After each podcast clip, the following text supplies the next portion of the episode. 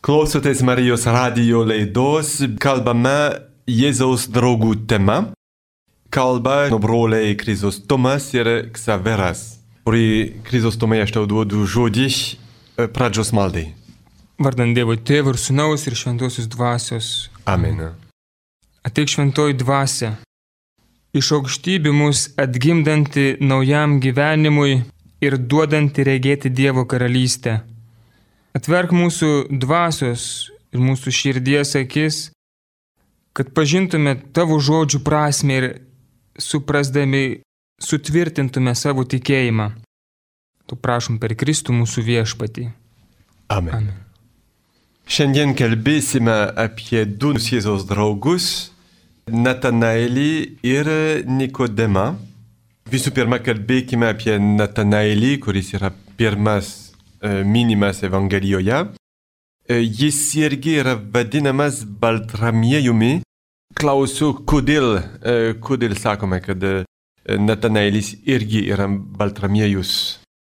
Tiesiog Natanaelis sinoptikai kitos Evangelijos, be Jono Evangelijos, vadina Baltramiejumi. Tai yra tas pats paštalas Baltramiejus, kurį Jonas kažkaip tai vat, mėgsta vadinti kitų vardų. Kaip e, Tomas, kuris yra taip pat vadinamas didimu ar e, panašiai. Taip. Gerai, gal galime pasiskaityti apie jį, Evangelijoje apie jį daug nekalbama, tačiau gal kalbėsime apie jo pašaukimą, ar ne? Taip, tai yra tekstas iš Jono Evangelijos pirmos skyriaus nuo 45 iki 51 eilutės. Pilypas sutiko Natanaelį ir sako jam, radome tą, apie kurį rašė Mozė įstatymai ir pranašai. Tai Jėzus iš Nazareto, Juozapo sūnus.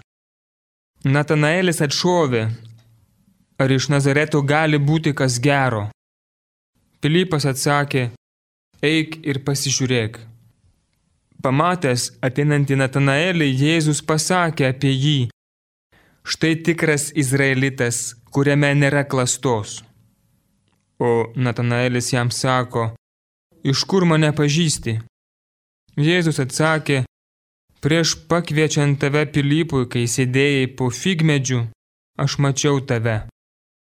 Natanaelis sušuko, rabi, tu Dievo sūnus, tu Izraelio karalius.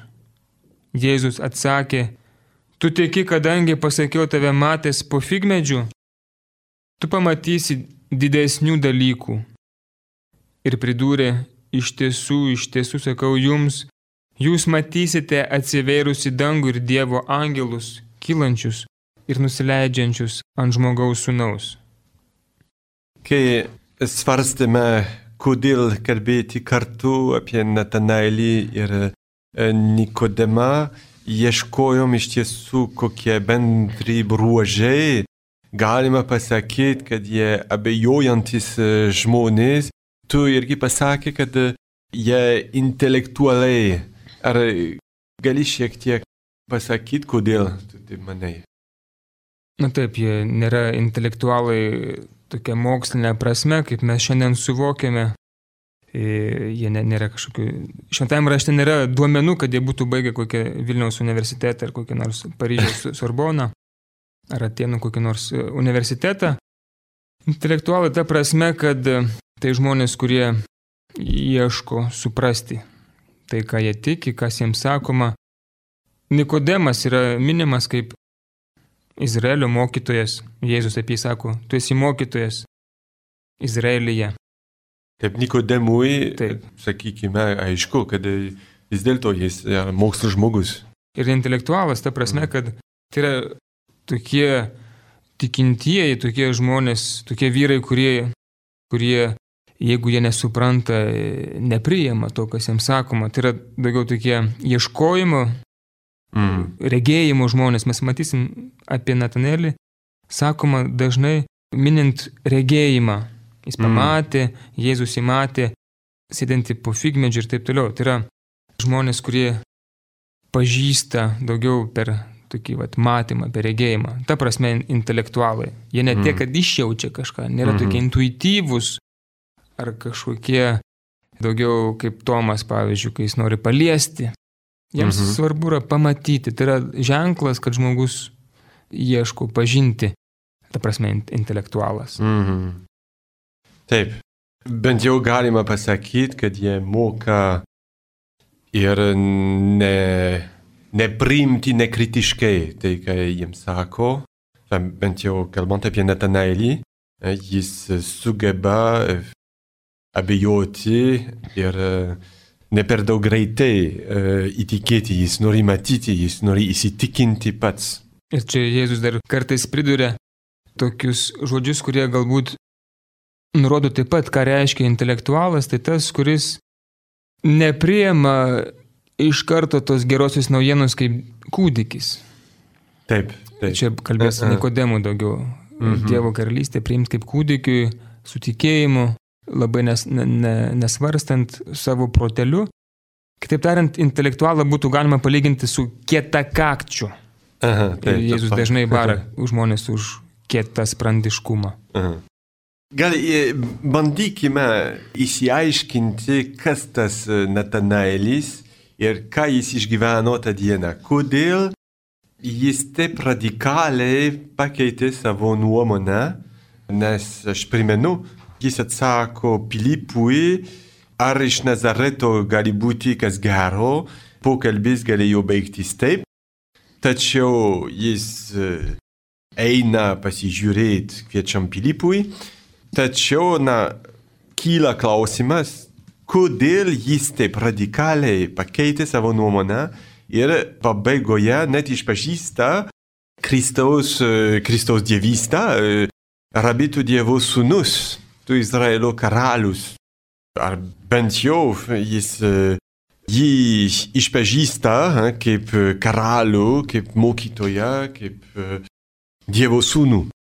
Na pirmiausiai, ieškant atsakymą šitą klausimą, reikėtų prisiminti, kad Natanaelis arba Baltramiejus buvo kilęs iš Kanos, iš Galilėjos Kanos, mhm. kuri buvo vos už 15 km nuo Nazareto, irgi esančio Galilėjoje. Taigi tai buvo tarsi tokie du, dvi gyvenvietės, kurios, kurių gyventojai vienas kitą gan gerai pažinojo ir Natanėlis, kuris gyvena Kanoje, žino, kokia yra situacija Nazarete ir kad ten tikrai kažkokių ypatingų įvykių niekada nėra buvę. Taip. Jo labiau Mesijas tikrai negalėjo ateiti iš šalia esančio kaimelio, mhm. apie kurį jis žino labai daug dalykų. Tai va, čia pirmas dalykas, tas pažinimas, žmogiškas pažinimas, Natanaelis nėra šiaip toksai labai naivuolis, didelis. Jis žino, kad. Ir man atrodo, iš kitos pusės tas jo atšovimas Pilypui, ar gali būti kas gero iš Nazareto, Taip. susijęs ir su, to, su jo tokiu vat, švento raštų pažinimu. Jis, man atrodo, iš to, kas yra pasakyta, kad Natanelis buvo susipažinęs su raštais, žinojo, iš kur turėjo ateiti Mesijas, mhm. kad iš bet kokio kaimo pranašai nesakė, kad jis ateis.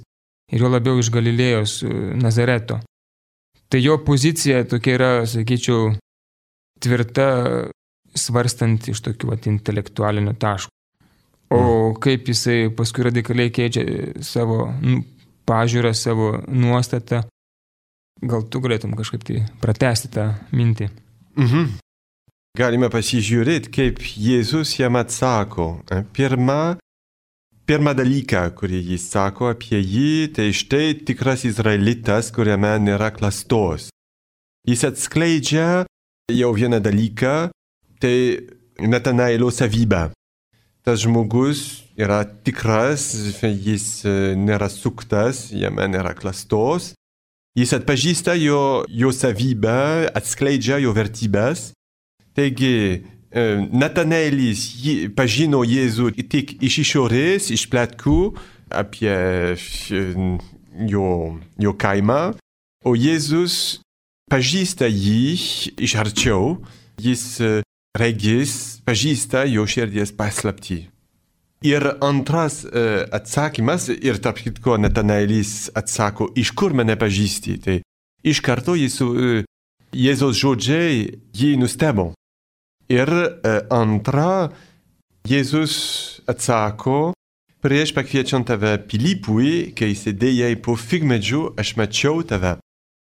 Tai reiškia, kad va, ir šitas atsakymas yra lemtingas, Natanaelis sušunka, rabi tu Dievo sūnus. Tai gal šis atsakymas yra e, slepiningiausias, ką Natanaelis suprato šiuo metu. Tai man primena e, šio laikinio prancūzų rašytojo e, Eriko Emanuelo Schmidto teatro pjesę lankytojas, le visiteur, kuris, kurioje jis papasakoja, žinoma, tai išgalvota istorija Freudo vakarą. Tai vyksta dramatiškose anšliuso aplinkybėse.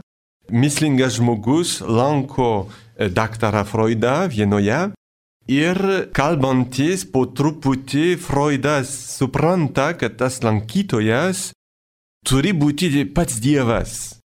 Tačiau įrodymai visada nepakanka, lieka vietos abejonei ir tai piesės įdomumą ženkliai kovoja prieš jo ateistinius įsitikinimus. Ir pavyzdžiui, tas lankytojas paaiškina Freudui, kad jo ateizmas yra tam tikras slaptas būdas susitvarkyti su savo tėvu.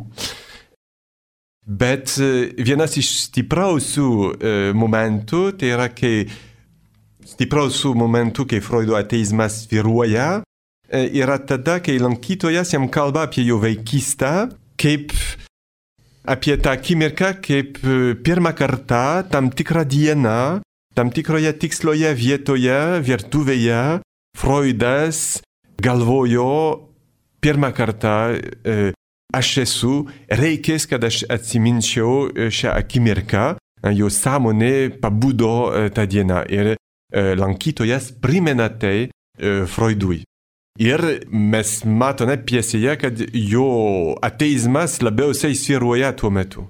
Galėtumėm įsivaizduoti, kad tuo metu, tai man priminė kaip tik Natanaelo istoriją, šią prasme Jėzus būtų užsiemenęs būtent akimirką, kai Natanaelis buvo vienas, suvokė, kad jis yra vienas prieš nuostabią gamtą ir svarstė kažką labai slapto ir asmeniško.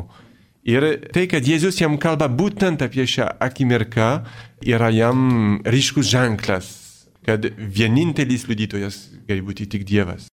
Marijos radio klausytojams priminame, kad jūs girdite laidą Biblijos slėpiniai. Laidoje dalyvavo šventojo nu broliai Pranciškus Ksaveras ir Krizostomas, kurie kalbasi tema Jėzaus draugai ir šį kartą apie Natanaelį ir Nikodemą. Šitą paslaptingą sakinį prieš pakviečiant tave Pilypui, kai sėdėjai po figmedžio, aš mačiau tave. Dar būtų galima priminti, kad figmedis, anot šventojo Augustino, yra susijęs su nuodėmės įvykiu, pirmosios nuodėmės, nes Jėva ir Adomas po nuopolio susivėja apsiaustą savo iš figmedžio lapų. Mhm. Na, aišku, ar tas vaisius buvo skinamas nuo figmedžio, bet tie lapai kažkaip tai atsiranda netoliese. Ir taip pat šventajame rašte galima rasti vietų, kur kalbama apie sėdėjimą po figmedžiu. Bent jau trejata vietų, kur tas sėdėjimas po figmedžiu susijęs su tam tikru saugumu. Pavyzdžiui, pirmoji karalius knyga, karalių knyga sako, per visą Saliamono gyvenimą Judas ir Izraelis nuo Danų iki Beršebos gyveno saugiai. Kiekvienas žmogus po savo vynmedžių ir figa, arba dar kitoje vietoje, pavyzdžiui, pirmoje Makabėjų knygoje. Kiekvienas sėdėjo po savo vynmedžių bei savo figa ir nebuvo kam jų bauginti. Mhm. Tam tikras vat, saugumas, tokio stabilumo vieta, kur žmogus gali sėdėti be baimės. Na ir dar yra kitų vietų, kokiu, pavyzdžiui, Michėjo pranašystėje taip pat kalbama apie tai. Ir aš nežinau, ką tai būtų galima iš to ištraukti, kalbant apie Baltramiejų arba Natanelį. Tas susitikimas galbūt su Dievu po figmedžiu, per maldą ar per mąstymą mhm. nepasakyta, bet galbūt ta tokia ramybė ir tas saugumas tvirtumas, kurį jis jautė Dievo akivaizdoje. Ir tie Jėzaus žodžiai, štai tikras izraelitas be klastos, gal tikrai atspindi kažkokią tai labai pamatinę Baltramėjaus tokią maldos patirtį, kažkokį mm. išgyvenimą, kuris, kuris jį sustiprina, kuris yra jo kaip to tikėjimo toks kaip ir pagrindas, saugumas. Nežinau, gal būtų galima sėti. Ryšys su nuodėme ir su ta pradžios knygos figmedžio lapais įdomus ta prasme, kad iš ankstinės nuomonės yra tam tikras būdas slėptis, ne, neįti į susitikimą e, tikrai. Ir tai yra na, Natanaelo polinkis. Galėtumėm pasakyti, kad na, iš pasakojimo tai yra jo trūkumas. Jis e, sunkiai susipažįsta, eina į susitikimą. Tarsi mėgina įsikabinti saugiai, įsikurti toje nuodėmingoje aplinkoje, ar kaip sakyti, santykėje, nuodėmės, kuri sukaustų mūsų širdį, toje baimės mm. mm. dvasioje. Mm. Tarsi mėginti įsikurti saugumą, rasti saugumą ten, kurio nėra. Mm. Ir Pilypas, kas sako, eik ir pasižiūrėk, tarsi sako, išeik iš savo baimių, iš savo to įsikabinimo į tai, ką tu žinai, mm -hmm. palik savo žinojimą ir išdrįsk išeiti į periferiją savo pažinimo. Taip, taip, taip, taip. taip. Popiežius Pranciškus turėtų ką jam pasakyti. galima, kaip pabrėžiame šitą jo trūkumą, galima ir pabrėžti ir jo privalumą, jo savybę. Jis yra regėjimo žmogus, ar ne? Jis iš nuogirdos klysta, tačiau jis neatsisako pasižiūrėti. Tai, tai žmogus, kuris nori matyti, kuris yra nas malsus, ir garbingas žmogus. Taigi, kai Pilypas jam pabrėžia, kad jo iš ankstinė nuomonė neužtenka, jis kaip e, neatsisako eiti ir pasižiūrėti. Jis e, supranta, kad jis turi pats įsitikinti, kas tas Jėzus, taigi jis supranta, kas, e, ką reiškia ieškoti tiesos, jis be klastos. Ir Jėzus e, jam kalba apie regėjimą. Jam kaip tik sako, gerai, esi beklastus žmogus, kuris nori matyti, o aš mačiau tave prieš tau matant mane. Ir jam pažada matyti didesnių dalykų. Matysite atsivėrusi dangų ir Dievo angelus. Mm. Čia būtų galima galbūt pridėti, kad tas figmedis, kuris simbolizuoja nuodėmę, bent jau pirmųjų tėvų nupolimą, ir tas ieškojimas, proto ieškojimas tiesos, tas nuoširdus, ne, neklastingas ieškojimas tiesos, tarsi atspindi ir tai, kad Jėzaus bičiuliai, kaip Natanaelis, kad nuodėmė nėra sugriovusi proto gebėjimo ieškoti tiesos, netgi tame tokiame tamsos pasaulyje, žmogus gali ieškoti tiesos ir susitikti su Jėzumi. Mm. Bet čia yra klausimas, iš, iškyla, ar ta, ta žmogus, kuris tą tiesą, tos tiesos ieško, ar jis yra pasiruošęs priimti tiesą aukštesnę, š, aukštesnę šviesą, kažkokią tai ateinančią ne iš jo proto. Mm -hmm. Ir kai Jėzus sako, tu pamatysi didesnių dalykų, tarsi sako, pasiruošk priimti tą, tą šviesą, kuri ateina iš aukštybių. Mm. Ir apie tai jis kalbės su Nikodemu ypatingai. Taip, tai yra kaip jo šito susitikimo pamoka. Šito pamoką tu matysi daugiau e, e, nuo dabar. Baigiant apie e, Natanaelį, aš sakyčiau, kad galima ir pastebėti Jėzaus būdas elgtis su mumis ir jo gailestingumą elgiantis su mumis. Natanaelo pirma nuostata visai ne, ne, ne, neadekvati, ne, jam neparuošia susitikimui su, su Jėzumi. Jis ateina su iš ankstinė nuomonė, o Jėzus mato tai, kas išlieka gera jo širdyje. Ir kaip Jėzus visada žiūri į tai, kas gera žmogaus širdyje. Mes tai primename aukojant mišes prieš komuniją, e, suvokdami, kad e, mes e, nuolatos nusidedame ir nesame pasiruošę susitikimui su Jėzumi. Kunigas sako, tu savo apaštalams esi pasakęs, aš palieku jums ramybę, duodu jums savo ramybę, žiūrėk tad ne mūsų nuodėmių, o savosios bažnyčios tikėjimo ir suteik jai žadėtą ramybę ir vienybę. Mes dabar kalbėjome apie Natanaelį, dabar kalbame apie Nikodemą. Nikodemas yra fariziejus, apie kurį kalbama Evangelijoje. Ir e, labai įdomus personažas, nes kaip žinome iš Evangelijos, ypač iš sinoptikų, fariziejai buvo didžiausi Jėzaus priešai, nekarta matome Jėzų e, ginčiantis su fariziejais, tačiau šis personažas padeda subtiliau e, žiūrėti į, į fariziejus, su, suvokti tarp kad e, tar, jie buvo rašto mylėtojai ir specialistai ir taigi ir labai gerai suprato Jėzaus mokymą, jie galėjo įvertinti jį ir kai kurie iš jų net įtikėjo e, Jėzų, nors jie buvo politiškai sunkioje situacijoje. Apie tai šventasis Jonas kalba 12 skyriuje prieš pat kančią. Jis sako, vis dėlto įtikėjo Jėzų net daugelis iš vyresnybės, tačiau dėl fariziejų viešai jo neišpažino, kad nebūtų pašalinti iš sinagogos. Deja, žmonių pagarbą jie brangino labiau už Dievo garbę.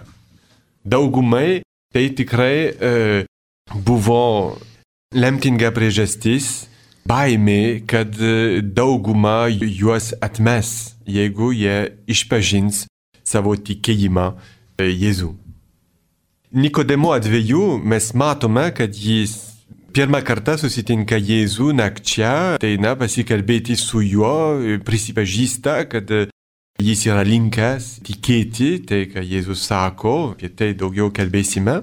Ir antrą kartą, kai vyksta didelės kovos tarp Jėzaus ir fariziejų dar iki kančios, kai įtampa kyla Jono Evangelijoje, mes matome, kad fariziejai įniršia prie Kristų, nori jį pražudyti, žudbūtinai, o Nikodemas išdrįsta vis dėlto pasisakyti. Septintame skyriuje 47 eilutė, fariziejai atsakė sargybiniams, ar ne, kurie nesuėmė Jėzaus dėl to, kad niekada žmogus nėra taip kalbėjęs. Fariziejai atsako, gal jau ir jūs leidote suvedžiojami, ar tiki bent vienas iš vyresnybės ar fariziejų, nebent tos prakeiktos padugnės, neišmanančios įstatymo. Tuomet prabilo vienas iš jų, Nikodemas, kuris pirmiau buvo aplankęs Jėzų. Jis nepasakys viešai savo tikėjimą, bet klausykime, ką jis sako. Ar leidžia mūsų įstatymas pasmerkti žmogų, jeigu jis pirmiau neištardytas ir nėra žinoma, ką jis padaręs? Tada jie atsiliepė, gal ir tu iš Galilėjos patyrinėk ir pamatysi, kad joks pranašas nebuvo kilęs iš Galilėjos. Ir taip jie įsivaišojo kas savo. Taigi Nikodemas atneša šiek tiek racionalumo, šiek tiek išminties šios e, aistros akimirksnių. Ir pagaliau jį matome Jėzaus laidotuvių metu, jis tikriausiai iš tolo sekė paskui Jėzų kančios metu ir mirus Kristui jis ateina kartu su Juozapu iš Arimatėjos ir ateina palaidoti Jėzų. Taip pat atvyko ir Nikodemas, kuris pirmiau buvo atėjęs pas Jėzų nakčia. Jis atsigabeno apie šimtą svarų miros ir alavijo mišinio. Brolik Sever, klausimas susijęs su Nikodemu. Žinome, kad jis yra fariziejus, nėra visiškai toks aklas, fanatiškas kaip jo kolegos. Jis sugeba racionaliai mąstyti netgi aistrų pripildytose tose diskusijose. Tai šiek tiek įneša tokio ramumo, teigiamo nusiteikimo, kaltinamojo atžvilgiu. kitaip tariant, nešališkas jis yra. Ir ar to užtenka, kad būtų Jėzaus draugu, tokio, vat, būti nuoširdžiam fariziejumi? Ar tai ir jame yra kažkas tai iš esmės nesutaikoma, nesuderinama su Jėzaus draugystė? Ką jam reikia pakeisti, kai jis taptų tikrai Jėzaus draugu? Aha.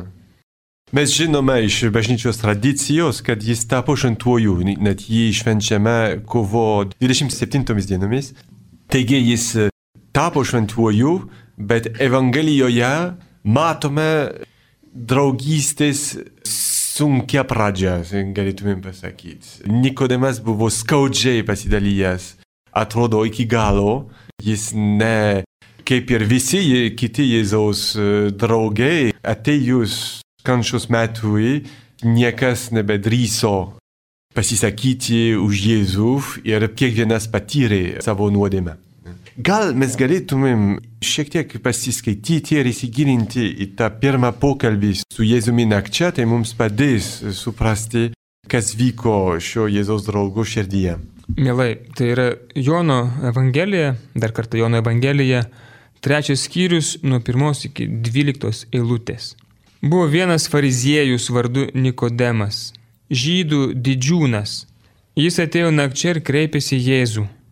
Rabi, mes suprantame, kad esi atėjęs nuo Dievo kaip mokytojas, nes niekas negalėtų padaryti tokių ženklų, kokius tu darai, jeigu Dievas nebūtų su juo. Jėzus atsakė, iš tiesų, iš tiesų sakau tau, Jei kas neatgims iš aukštybės, negalės regėti Dievo karalystės. Nikodemas paklausė, bet kaip gali gimti žmogus, būdamas nebejaunas? Argi jis gali antrą kartą įeiti į savo motinos iščias ir vėl užgimti? Jėzus atsakė, iš tiesų, iš tiesų sakau tau, kas negims iš vandens ir dvasios, neįeis į Dievo karalystę. Kas gimė iš kūno, yra kūnas o kas gimė iš dvasios yra dvasia. Nesistebėk, jog pasakiau, jums reikia atgimti iš aukštybės. Vėjas pučia kur nori, jo aušimą girdi, bet nežinai iš kur ateina ir kur link nueina. Taip esti ir su kiekvienu, kuris gimė iš dvasios. Nikodemas atsiliepė, kaip tai gali būti? Jėzus jam atsakė, tu esi Izraelio mokytojas ir šito nesupranti? Iš tiesų, iš tiesų sakau tau, mes kalbame, ką žinome ir liudijame, ką matėme, tik jūs nepriimate mūsų liudijimo. Jei netikite, man kalbant apie žemės dalykus, tai kaipgi tikėsite, jei kalbėsiu jums apie dangiškuosius. Iš šio pokalbio pabaigos mes matome, kas iš esmės yra pagrindinė kliūtis Nikodemui ir laimė jis išdryso kalbėti su Jėzumi, kad Jėzus jam tai atskleistų, atrodo, kad na, kliūtis yra kaip tik jo žinojimas. Ir jis yra mokytojas Izraelyje, jis yra rašto mokytojas, reiškia, kad tai subtiliausia kliūtis, jis daug žino apie iš šventojo rašto, daug žino apie Dievą, bent jau įsivaizduoja, kad taip, bet tas žinojimas gali tapti ekranas, dėl kurio jis nebegali priimti apreiškimo. Jėzus jam sako, jūs neprimate mūsų liudimo.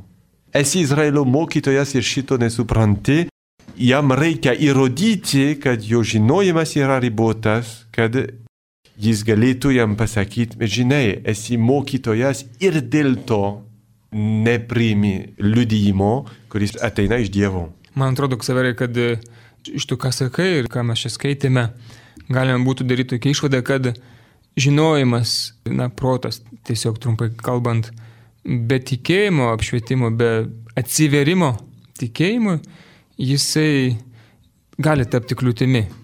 Pavyzdžiui, Jėzus sakys vėliau ginčydamasis su tais fariziejais, su žydais apskritai, Sako, jūs tyrinėjate raštus, nes manote juose rasę amžinai gyvenimą. Mhm. Tie raštai ir liūdėja už mane, bet jūs nenorite ateiti pas mane, kad turėtumėte gyvenimą. Garbės į žmonių aš nepriimu, Aš matau, kad jūs neturite savyje Dievo meilės, aš atėjau savo tėvo vardu, o jūs manęs nepriimate. Jei kas kitas ateitų savoju vardu, tą jūs priimtumėte. Ir priduria, kaipgi jūs galite tikėti, jeigu vienas iš kito priimate garbę, o tos garbės, kuri iš vieno Dievo ateina, jūs neieškote. Ir jis sako, aš nekaltinsiu jūsų tėvų, nes jūsų kaltintojas yra Mozė, kurį esate savo viltį sudėjęs. Sako, jeigu jūs tikėtumėte Moze, tai tikėtumėte ir manimi, nes jis rašė apie mane. Tai galiausiai išvada, kadangi jūs net netikite jo raštais, kaipgi patikėsite mano žodžiais. Tai yra du dalykai, sakyčiau. Pirmas dalykas - tas netikėjimas Jėzumi neleidžia iki galo priimti šventojo rašto žinios, Mozės įstatymo, supratimo iki galo priimti. Ir antras dalykas, kas trukdo ateiti pas Jėzų, tai tas garbės ieškojimas. Mm. Tu minėjai iš pradžių, kad fariziejai buvo paskelbę, kas išpažins į Kristų, bus išmestas lauk. Kitaip tariant, kliūtis, rimta kliūtis tam tikėjimui yra garbės, žmonių garbės ieškojimas. Mm, taigi galima pasakyti tiksliau, ne pats mokslas yra kliūtis klausyti Jėzaus, bet garbė, kurie ateina iš mokslo.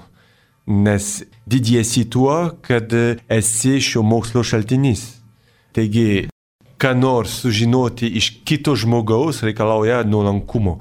Jeigu aš siekiu mokslo garbės, tada atsiras kliūtis. Bet mokslas kartu su nuolankumu neprieštarauja. Taip tai yra, sakyčiau, mums irgi teologams, galbūt bažnyčioje, toksai priminimas, kad šventasis raštas, tas tyrinėjimas, jeigu jis nėra, kaip sakoma, tas mokslas, žinojimas paremtas tikėjimu, kitaip tariant, jeigu teologija nėra ant kelių, ta malda paremta, neveda į susitikimą su Jėzumi. Tikslas šventų raštų mm. nėra išmanyti jį dėl jo paties, žinoti kiekvieną kaip kiekvieną žodį išversti, visas smulkmenas ir visas peripetijas šventajame rašte, bet susitikti su Kristumi, kuris yra to šventų rašto kaip ir tas žodis iš didžiosios raidės, į kurį jis veda. Ir, ir ta garbė, kaip tik yra viena iš kliučių. Mhm. Sakyk, o Nikodemas jisai vis dėlto sutinka atsikratyti savo žinojimo, ar, ar vis dėlto jisai dar spardosi, kaip jisai reaguoja, ar tai jam yra įmanoma. Aha. Nematome jo reakcijos iš tiesų. Na, bent jau jis tai, sako, kaip tai gali būti. Bent jau du kartus jisai mėgina aha. ginčytis. A, taip. Reiškia, kad jis pradeda klausti Jėzaus. Jis pradeda neaiškiai, bet tikrai pripažinti, kad jam reikia ką nors sužinoti iš Jėzaus. Tačiau jis santūrai, galima pasakyti, kad jis santūrus žmogus, atsargus žmogus ir jis ne per daug greitai sako, esi teisus. Ir Jėzus nelaukia šito, jis tik tai laukia atvirimo, bet jis nelaukia pritarimo. Jėzus jis labai kart... gailestingai elgesi su intelektualu. Jis iš karto Nikodemą įmeta į to žinojimo jūrą, kuri pranoksta Nikodemą. Mm. Iš karto kalba apie aukštybės, gimimą iš aukštybių. Taip, būtent Jėzus pabrėž, ko jam trūksta gimti iš aukštybės, kad regėtų Dievo karalystę ir Nikodemas ne, nesupranta, bet kaipgi gali gimti žmogus, būdamas nebe jaunas, Jėzus kalba apie kitokį gimimą. Ir jam dar paaiškina, apie kokį gimimą jis nori kalbėti. Kas negims iš vandens ir dvasios, neįeis į Dievo karalystę. Būtent šitų dviejų gimimų trūksta fariziejams, gimti iš vandens, atsiversti, priimti Jono Krikštytojo krikšto. Ir jie nuo to laikėsi, kaip žinome. Ir gimti iš dvasios, tai reiškia suvokti, kad negalima gyventi vien įstatymu, bet reikia gimti iš dvasios, kaip e, meilės dvasios įtraukti į jų religiją jų šitam įstatymui trūksta gyvybės, sakyčiau. Tai yra toksai, jie susidarė tokį kadrą, tokį rėmą, religijos rėmą, kuris yra stabilus, solidus, mm. bet visiškai negyvas. Apibendrinant, Taigi Nikodemas yra atsargus žmogus, labai įdomus ir simpatiškas tam tikrą prasme. Jis yra ir su intelektualu įdomis. Jis sunkiai pasisako už Jėzų, tai ne šventasis Petras, sakykime. Ir galima pastebėti, kad Jėzus ne jam patikėjo bažnyčią, bet žvėjui Petrui. Tačiau žmogus, kuris ieško tiesos ir kuris turi gerą tiesos nuovoką ir negali e, sutikti, kai jo šalininkai pradės neteisingai elgtis Jėzaus atžvilgiu ir matome, kaip jis tampa šventuoju ir patirdamas savo nuodėmę Jėzaus kančios metu. Kalbėjome kartu apie jį ir apie Natanaelį, jie abu nori įsitikinti, patys suprasti, matyti, bet abu iš pradžių turi tam tikrą kliūtį. Natanaelis jo negali tikėti lengvai dėl to, kad jis turi iš ankstinę nuomonę didelę, nuogirdos yra jam kaip ekranas, jis negali matyti iki Nazareto, o Nikodemui tas ekranas yra kitoks, tai jo šventojo rašto žinojimas jo, ir garbė, kuri kyla iš to žinojimo, jam nepadeda laisvai priimti Jėzų ir jis tampa jo draugu, tačiau tuo naktiniu keliu. Gal mes Baigiame šiandien. Marijos radio klausytojams primename, kad laidoje dalyvavo broliai Severas ir Krizostomas, kurie kalbėjosi tema Jėzaus draugai. Ir dabar baigsime maldą. Valant Dievo Tėvo ir Sūnaus ir Šventosios Dvasios. Amen.